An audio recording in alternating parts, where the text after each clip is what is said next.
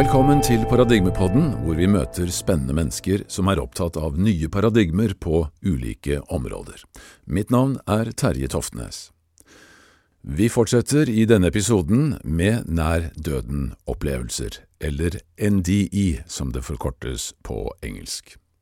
Fordi dette er et tema som eh, i hvert fall jeg syns er utrolig spennende. Det setter ting inn i et helt annet perspektiv, og gjør at livet må ses på faktisk med helt nye øyne. Synes jeg i hvert fall. Så vi skal høre litt mer, eh, og eh, i dag skal vi møte en kar som har forsket på dette i England, i en eh, mannsalder nærmest. I dag er han 87 år, og like aktiv med egen YouTube-kanal osv.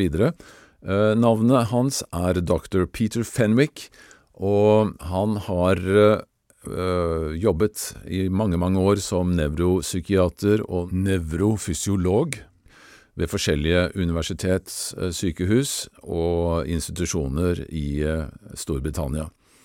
Han har også skrevet flere bøker, blant annet en bok som heter The Art of Dying, fordi han har studert dette fenomenet med å dø, og hva som skjer for veldig mange mennesker akkurat i de siste dagene før døden inntreffer.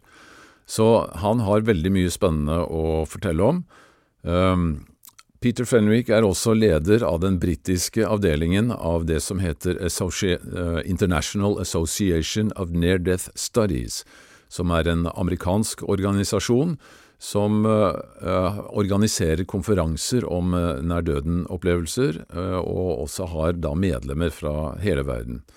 Vel, vel. Vi skal møte Peter Fenwick. vi traff han for noen år siden, og det han fortalte da, er like aktuelt i dag. Så vi gir ordet til dr. Peter Fenwick. Uh, my name Dr. Peter Fenwick. I'm a consultant neuropsychiatrist. and ran the epilepsy neuropsychiatry unit at the Maudsley Hospital, which is a postgraduate teaching hospital in London, for about 20 years. I'm also a neurophysiologist and have run clinical neurophysiology services.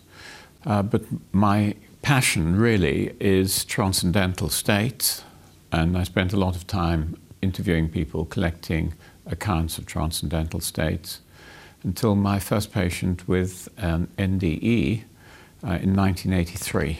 Up to that time, I knew that they only occurred in, in the United States on the West Coast. They'd never come to England. But when this guy gave me a prototypical NDE, which occurred during a cardiac arrest, I became interested in it. And the next step was a film in 1987 called Glimpses of Death. It was a BBC film and I was involved in it. And following that film, since it was the first film on NDEs in the UK, we got 2,000 letters. Now that's a large sample, and 93% of the people who wrote in when they had their near death experience uh, were unaware of what an NDE was. So it's a sample which will never be repeated now because now everybody knows, but that was an uncontaminated sample and only 33% of them were on drugs. So clearly it was nothing to do with drugs. But the most interesting group was a cardiac arrest group. About 10% um, of the sample uh, had uh, their NDs during cardiac arrest, and that was extremely interesting. So, um, could you tell us then about the work that you have been doing over the past years and and where it has led you. What kind of results have you achieved? In, in 1987, we did a film on near death experiences. It was the first one in the UK. And from that, we got 2,000 letters, which gave us a very good understanding of when the NDE occurs. And I was interested in it and so we did a study on that data. In fact, what I did is I took 500 of the ones that were most like an NDE and sent out a, a formal questionnaire. We got 450 replies, and that became our database for um, a book which we wrote on it called The Truth and the Light. And uh, what became quite clear to me was that the NDE can occur in any situation. It can occur in illness, can occur when you're extremely frightened, the so-called fear-death experience. And the difference between those two situations is the physiology of the brain is normal in one and disturbed in the other. So that meant it couldn't be anything to do with the physiology of the brain. We were talking about something much more fundamental than that. And then the third one were people who had transcendental experiences, which were very like the NDE. is so like that it was difficult to tell them apart. And again, the physiology of the brain was normal. So it was quite clear that the NDE was something fundamental to human experience. And although it's always been linked with um, uh, illness, chronic illness, or cardiac arrests, or something like that, it, um, it isn't. But if I was going to study it, I wanted a, um, a way of keeping the brain state constant. People who are afraid are afraid to different amounts. People who have transcendental experiences, you can never really get them. But people who have cardiac arrest, now that's good because brain states are the same, and so we could look at mental states. And so the next study we did was uh, one in about 1999, published in 2001. And uh, that one was done by Sam Parnia and myself. And what that showed us was that uh, near death experiences did occur in um, cardiac arrests in about 10% of the people. And much more interesting than that was that the cardiac uh, arrest NDEs are the same as the NDEs in other states. Now that's very surprising because one is arguing that the brain is not functioning during that time. So it looked as if it was a way of uh, studying the split between mind and brain. Uh, so we had to go on with that, and I had a PhD student who was working, uh, Penny Sartori, who was working in a hospital in Swansea, and uh, she uh, calculated the percentage of people with cardiac arrest, which was higher than we found. And uh, she also did something which was very clever because a proportion of people, it's only a small proportion, it's about a third of people who have NDEs during their cardiac arrest say they leave their body and watch the resuscitation process before the NDE uh, evolves.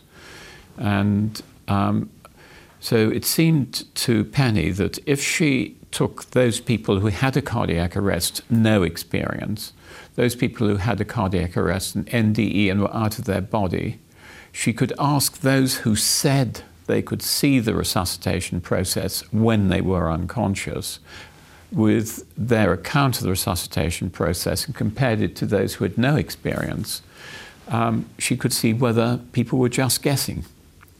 And what she found was that the people who said they could see it were much more accurate, and the other people who didn't were clearly just guessing.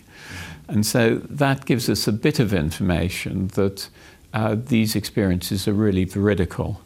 And since that time, Sam Parnia has set up a uh, international study called the AWARE Project, which was launched at the United Nations in 2008 and this is um, putting cards up on the ceilings of hospitals to see if we can uh, really demonstrate that when people leave their body, they go up to the ceiling, they say, they look back on the uh, resuscitation, they say.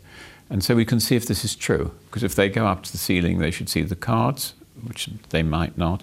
But also, again, we'll have information in a prospective study about the cardiac arrest, rather like what Penny did. And uh, but, but excuse me, the cards were on the ceiling? Uh, no, they're, they're set just below the ceiling. Okay. So they're suspended from the ceiling, but they're not on the floor. So people in the resuscitation room can't see them.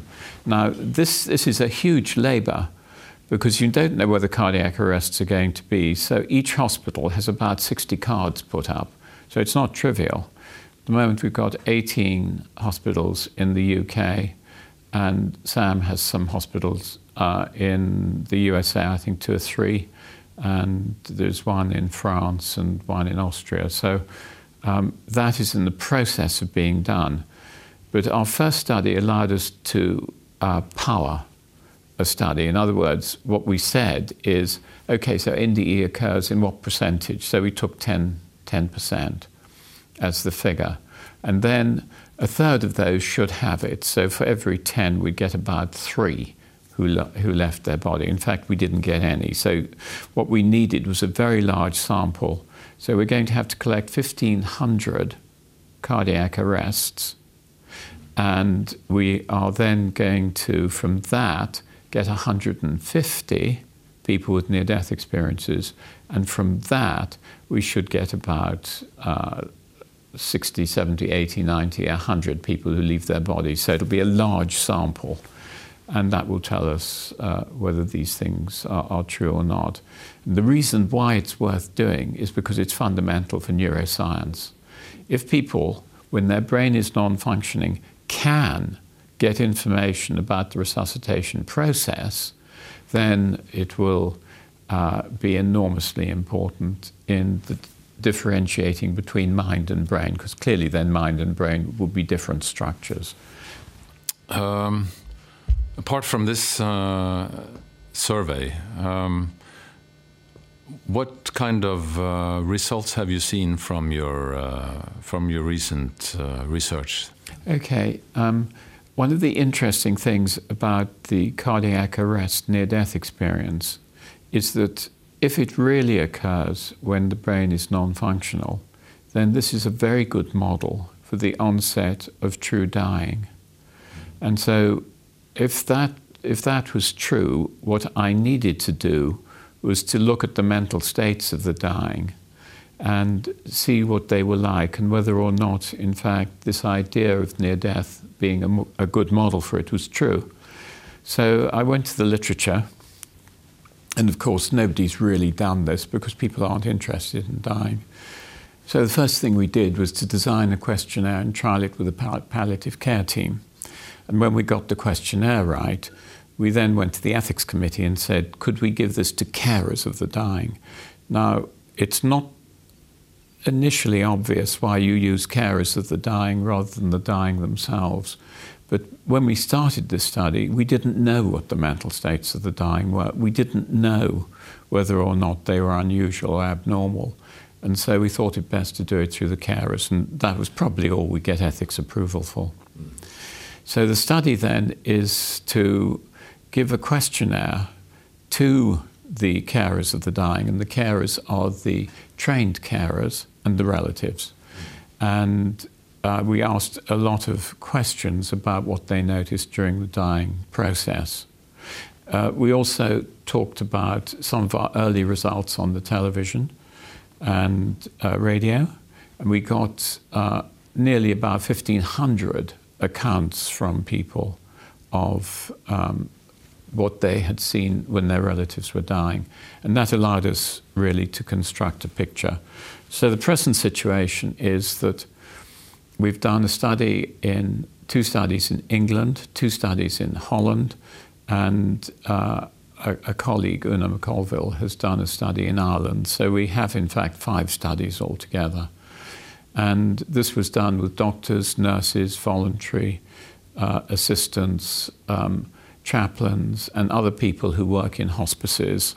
And we've also looked at a nursing home. And it turns out something like this, uh, including the data from the data bank which we have, that the first thing in the death process for some people, we don't know how many, and it's probably not many, they get a premonition that they're going to die. The premonition may be fairly specific, or it may just give the, them the feeling that they're going to die soon. Then, of course, they will get their diagnosis and will uh, be treated, and then the actual process of dying uh, starts. And the first thing that happens is in many people, we, again, we don't know how many, uh, they will see uh, dead relatives who come into the hospice and stand around the bed and talk to them. The dead relatives usually um, are their father and mother, but it may be other members of the family, or it may be spiritual beings. And the people always who are dying are always overjoyed to see them and talk to them. And the relatives, dead relatives, quite often will set the time when the person is going to die.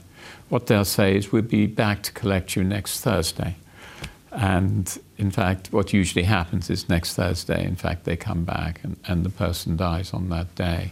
You can negotiate with them, which is a point everybody should know.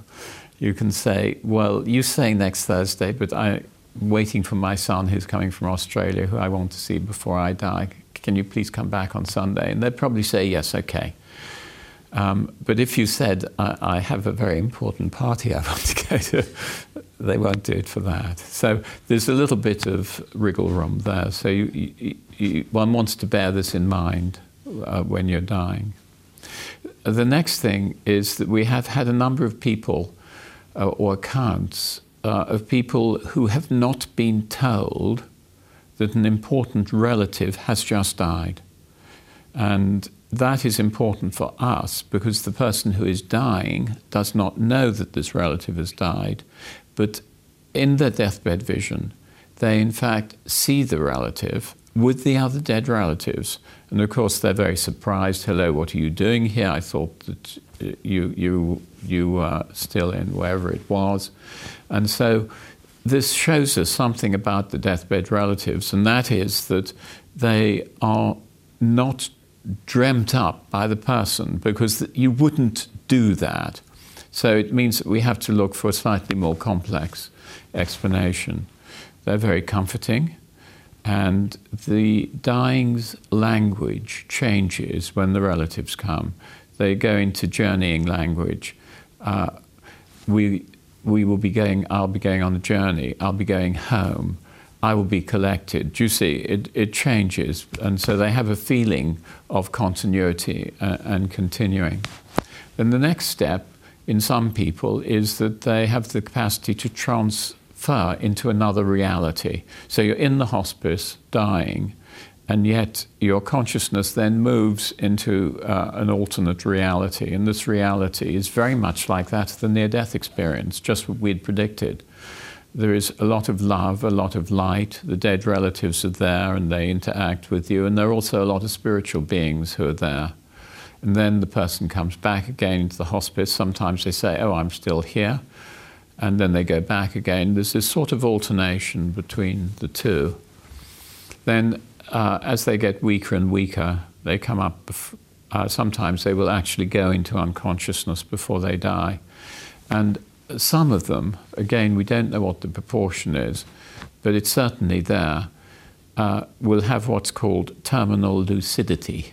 What that means is that at the very end, just before they die, they will alert out of coma into full consciousness, recognize the family who's all around them, probably will recognize a dead relative who may be in the room too, say goodbye to everybody, say hello to the dead relative, and then quite often after this experience, they will fall back and die. So it's terminal, right at the end. But there's some very interesting things about this. First of all, how do people suddenly surface from coma who've been in coma for uh, a, a, prolonged period or even a short period?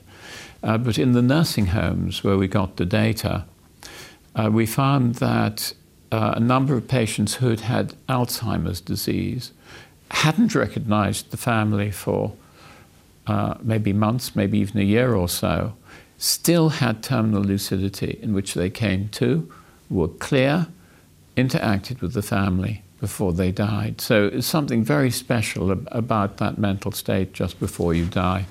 And it looks as if it, we've got much, much more explaining to do scientifically. Now, the time of death is even more interesting. Uh, and it's interesting because of the phenomena which occur. The first one is uh, a deathbed coincidences. They're called coincidences because somebody hears the fact that you're dying, and it works like this. It depends on the person who receives the visit.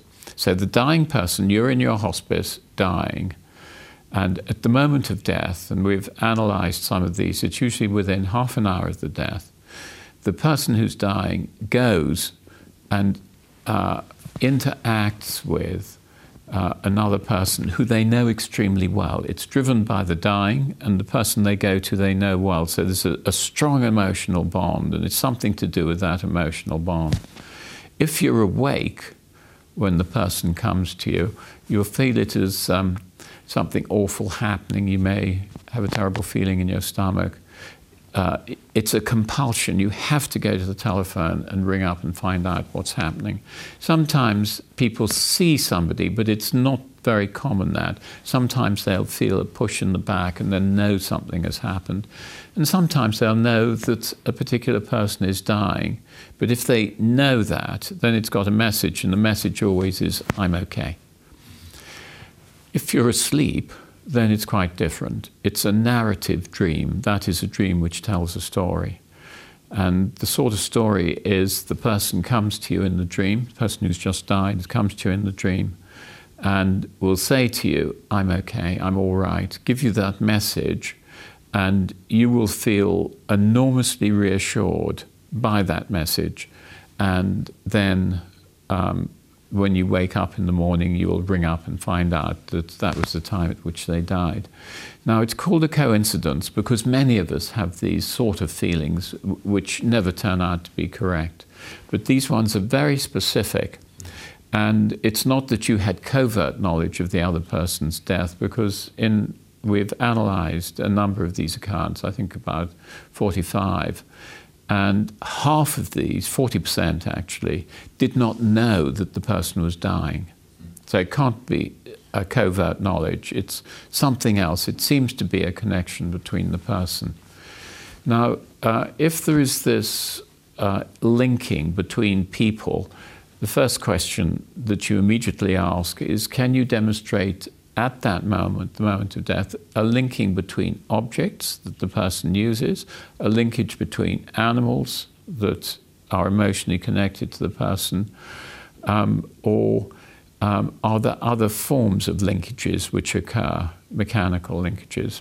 Well, we've got lots and lots of stories of clocks which stop uh, at the time that people die. It's actually quite common. Uh, the next one we have is dogs and pets howling at the time of death. Sometimes you can interpret it, you can understand it because it's in a family where the person is visiting the dying person, so they could pick it up from their owner. But we have also stories where, in fact, nobody knew that the person was dying, but the dog howled and howled and howled and howled at the time of death, and they were, had a good relationship with the person who's dying. Um, so there's no doubt that animals are involved with it.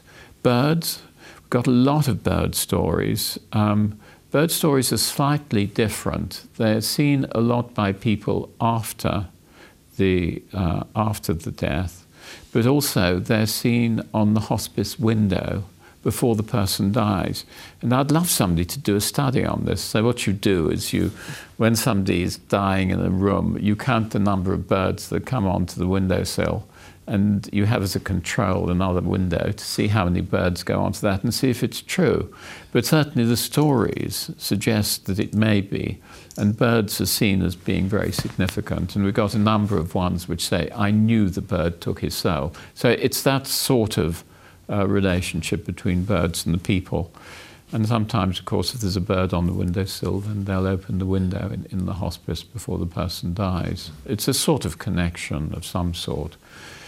And uh, then the linkage between mechanical things, apart from clocks, is that we have stories of alarms going off in the hospice at the time that somebody dies, uh, televisions breaking down, that sort of thing. So it looks as if there is a sort of change in the relationship of the individual to um, both mechanical and human humans in their environment. And finally, what happens to the person at the time of death is interesting because uh, we have stories of the body being surrounded by light, uh, transfiguration of people. By that I mean that they, uh, they glow with light, or that could just be anything, but they, they change, and um, sometimes the light leaves the face and radiates around the body. And sometimes there is a light shape which seems to leave the body uh, and uh, uh, go up. Shapes leaving the body, not necessarily light ones, are quite commonly reported. And it's very much like the Dalai Lama's uh, scale of the mental states of the dying. He says that the dying perceive smoke, uh, no, mirage, smoke, then little sparks of light. And we have that. We've got some lovely accounts of a sort of heat haze surrounding the body, which would fit in with the Dalai Lama. Then people actually use the word smoke, which rises from the body and then takes on a shape as the person. They always go up. I've never had anyone which has come out, or any story that they come out and gone down. So there's something in our culture about going up. Yeah.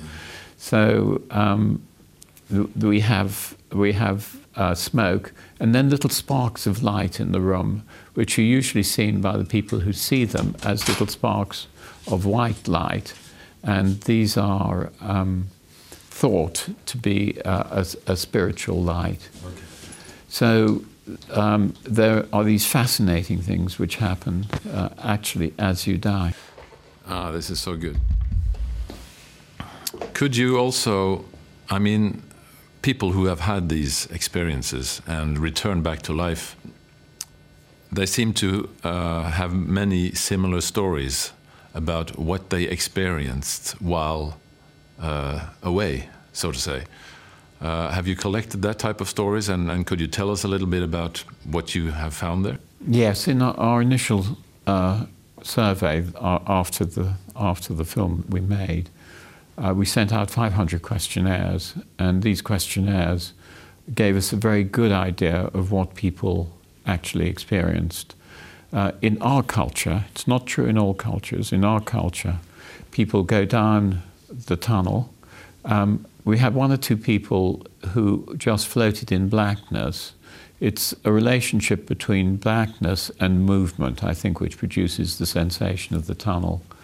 And then they move into the light. The light is always loving, helpful, supportive, uh, compassionate, blissful. Those are the sort of adjectives people use. And then they have a conversation often with the light. Sometimes they don't, usually they do. And then they move out of the light into the near death environment, which in our culture again is a quintessential English country garden. Beautiful, wonderful flowers, birdsong, heavenly music, wonderful smells, uh, which is interesting. So it's visual, uh, tactile, they can feel things, they can hear things, they can smell things. So it's got the full range of sensations there. And uh, dead relatives are there, and dead relatives wave to them, sometimes speak to them. And uh, in our series, 12% had a life review. And the life review is interesting because it contains a moral component to it. Not with everybody, but with a, a highish proportion. When they saw a scene from their life, in other words, they, many of them have a panoramic life review, so they see the whole of their life. Sometimes it's all there at once, sometimes it's sequential. And if it's going to be a, um, an ethical one, then in the life review, you see yourself acting, you see your thoughts, your motivations. You're feeling very grubby, mark you, because a lot of your thoughts and motivations aren't terribly nice. And then you see the effect of them on the other person. So we got one where somebody reported that they, in their life review, an incident where they had broken a glass on the table in the pub and hit somebody with it. Um, they weren't proud of that at all. But what was worse for them was that they experienced all the pain and distress that the person had that they hit. So it's got this ethical component to it. So you tend to be aware of the effects of your actions rather than the motivations which produce them. So you see what sort of person you are and how you've acted. Is this a kind of a learning process, do you think? I think it's a learning process. Uh, certainly, people who have it feel that they've learned a lot from their life review and are determined to act differently. So I, I think that you do become more ethically aware of, of the, the consequences of your actions. And then they, the life, the um, experience will come to an end. And it comes to an end in three ways. One, nothing. You just go through it and you're back in the garden and then you're back in bed.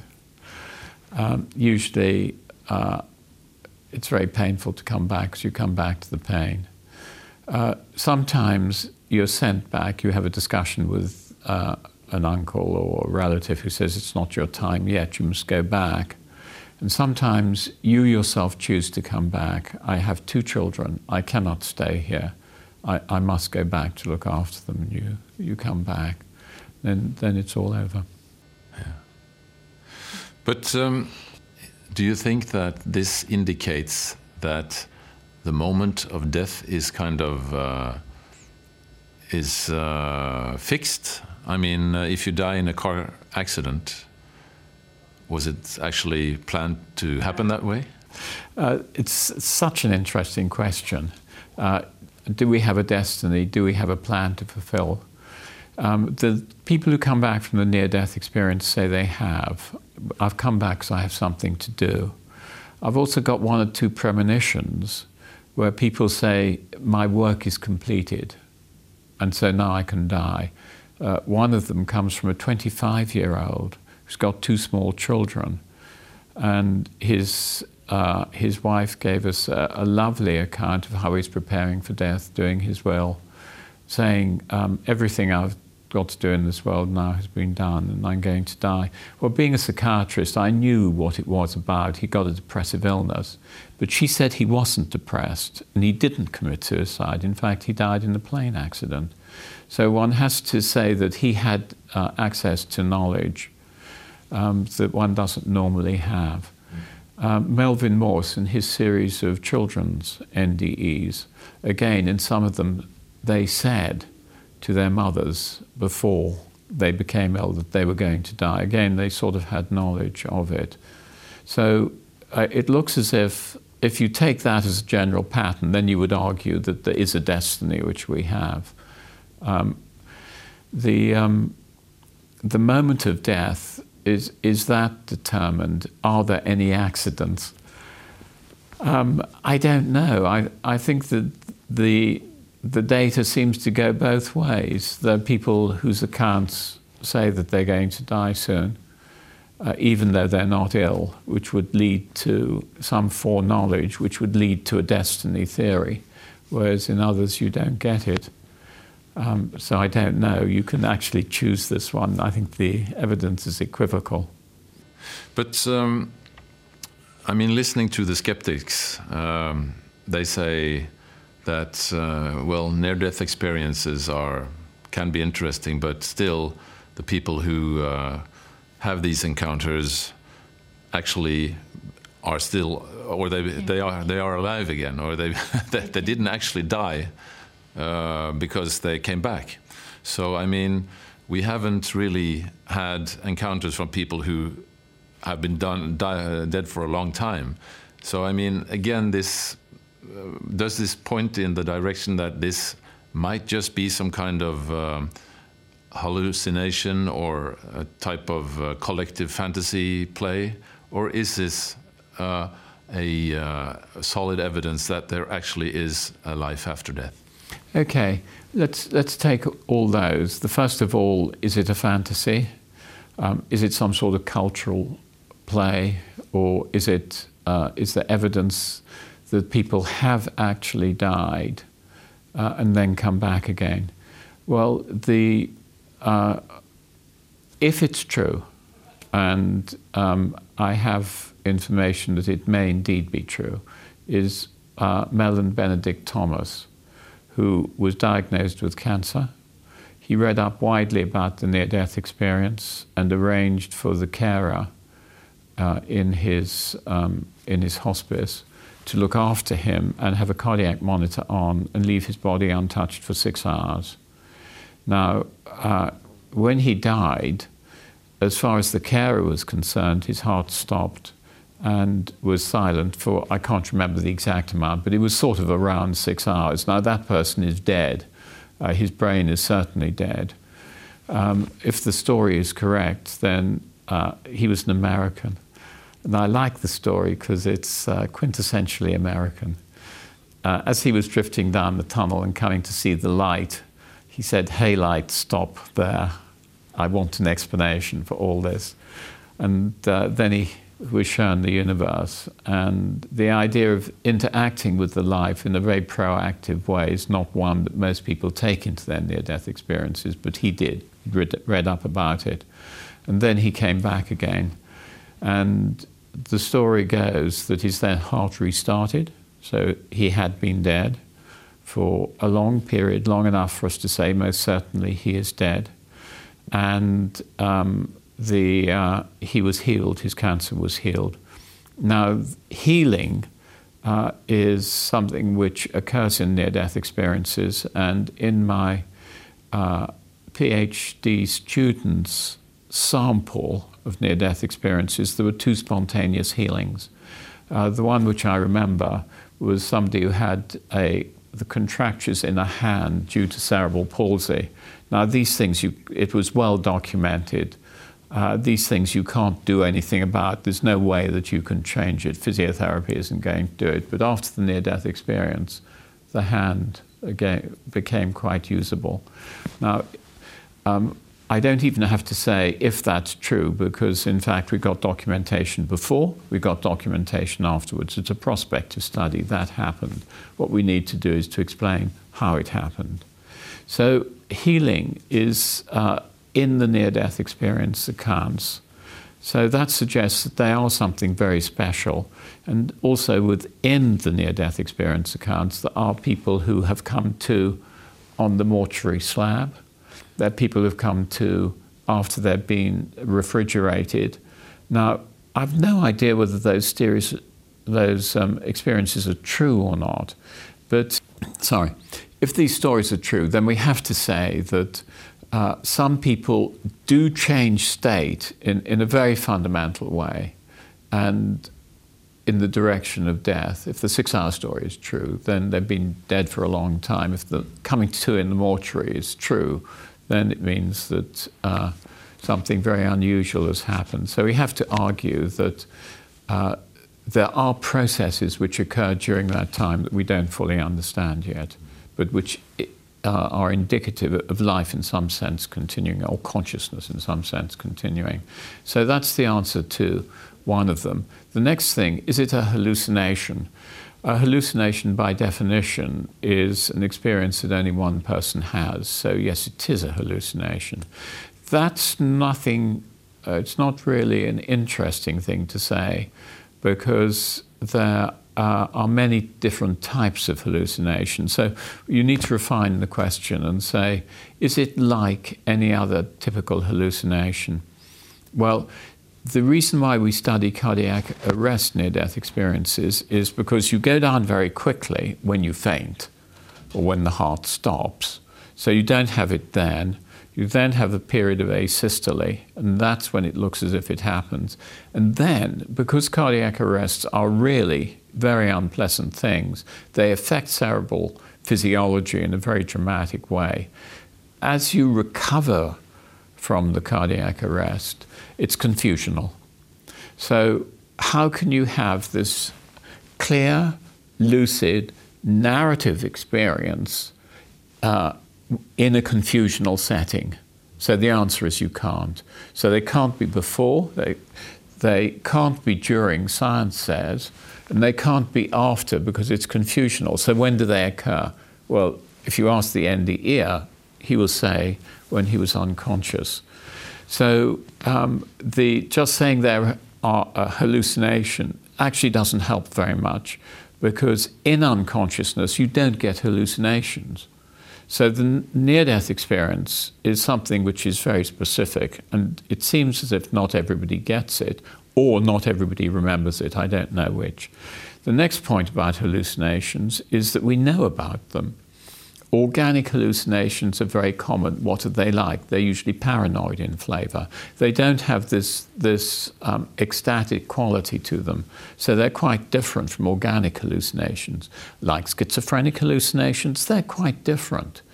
Um, like the um, uh, hallucinations of the Charles Bonnet syndrome. This is an organic type hallucination where people see uh, other people sitting in chairs. You know, you open the door of the room and these chairs are filled with people, and quite often the Charles Bonnet person will say, Oh, I'm so sorry to disturb you. Shut the door, open it again, and they've gone. Do you see? It's not that sort of hallucination. Perhaps it's something to do with the intensive care unit, and you get intensive care psychoses. It's nothing like an intensive care psychosis. Again, they're all paranoid.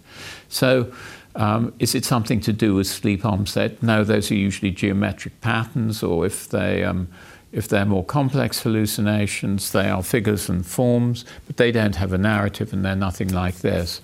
So it's on a class of its own, it's in a class of its own, it's, it's quite different. So if you say it's a hallucination, then you must be more specific what sort of hallucination. You'll come back to the fact that they only occur in near death experiences. So um, I don't think that that is a good explanation. The next thing is it cultural? Are we just um, repeating what we've heard and dreaming it up in these situations? Uh, the answer to that is no, because of our first study, in which 93% of the sample had not heard of near death experience when they heard those. So it wasn't in the culture then. And so it's got nothing to do with cultural influence in that sense.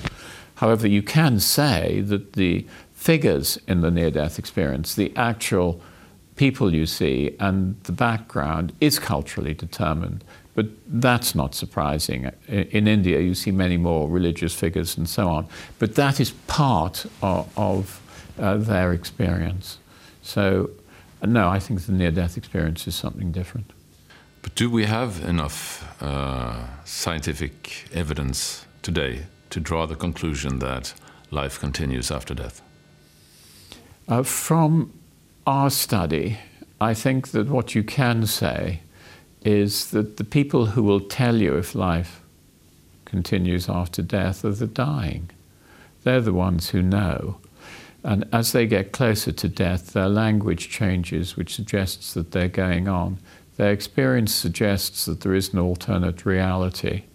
And certainly the factors which occur at death suggests that consciousness changes in a very dramatic way uh, particularly if you add in shapes leaving the body and things like that, then it's enough to raise it as a very strong hypothesis.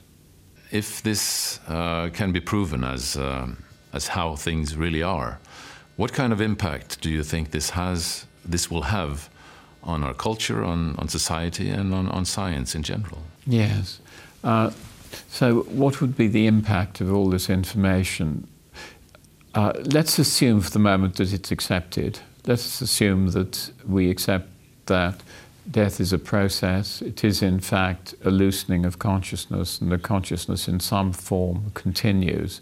That will have a huge effect on the way we live, and it will feed back onto it. And as the Dalai Lama says, if we all accepted death in its full form, then we'd change our behavior, because most of what we do is.